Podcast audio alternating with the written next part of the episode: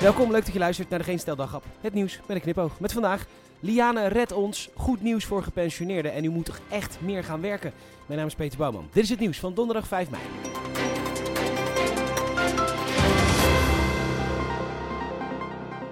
Het is ook echt overal hetzelfde liedje. En alleen Liane Den Haan van Lijs Den Haan, maar eigenlijk bierveeltje met de naam Den Haan erop Den Haan, durft het te zeggen. Belast bedrijven extra die profiteren van de misère van anderen. Tijdens corona de supermarkten en nu de brandstofbedrijven. Huilie huilie was het met Shell tijdens corona. Het zwarte goud bleek tijdelijk zwart zaad. Maar ja, dat is nu diamant geworden, want de olieprijs, nou ja...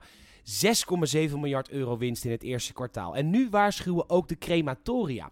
De VRT laat weten dat Vlaamse crematoria hun prijzen al met 10% hebben verhoogd vanwege de hoge stookkosten. Alles wordt duurder, dus ook doodgaan. Terwijl, als er één sector heeft geprofiteerd van de coronapandemie, dan is het wel de uitvaartbranche. Je hoeft er helemaal niks voor te doen. Nou, dat doen ze eigenlijk normaal ook niet hoor. Maar het aantal bezoekers was lekker laag, lont aan en gaan. Het gaat nu even minder en direct alles doorberekenen aan de klant. Gezien het feit dat de achterban van Liane Den Haan ofwel schijn, ofwel bijna, ofwel daadwerkelijk dood is, verwachten wij zo snel mogelijk kamervragen.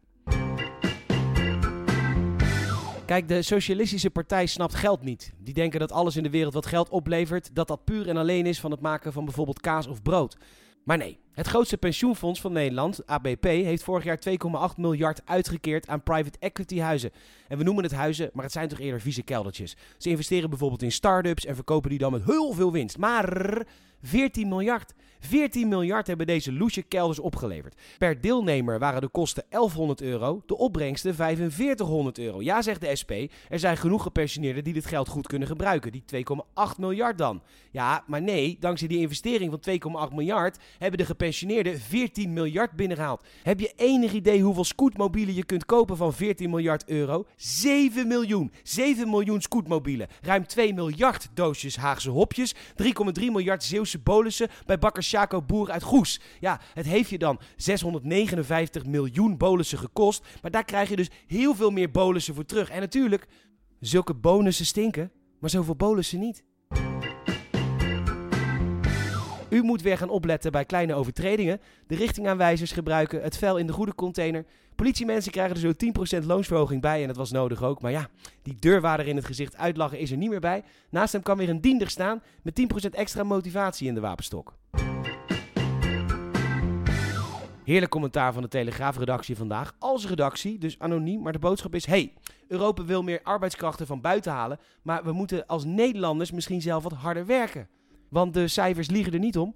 200.000 mensen zijn beschikbaar voor werk en werken niet. Daarnaast 364.000 werklozen. En een half miljoen Nederlanders die meer willen werken. We zijn kampioen deeltijd werken. En de Telegraaf heeft natuurlijk helemaal gelijk. Als je nu niet werkt, ben je of ziek of dood. En voor bijna alle banen is het hebben van een hartslag ruim voldoende om aan de slag te kunnen. Sowieso zou een extra baan voor elke ambtenaar verplicht moeten zijn. Ja, maar ik maak al vijf dagen vijf uur per dag. De samenleving in zien wat werken is met het risico ontslagen te worden bij wanprestaties. En wanprestatie is geen synoniem voor prestatie, ambtenaar. Ik heb zelf drie banen. Ik kan het iedereen aanraden. Je kan niet de hele dag zuipen, toch? Bedankt voor het luisteren. Je zou ze enorm helpen als je iemand uit je omgeving vertelt over deze podcast. Mond-tot-mond reclame. Ook een Apple Podcast review kun je achterlaten en dat kan ook via Spotify. Nogmaals bedankt voor het luisteren. Tot morgen.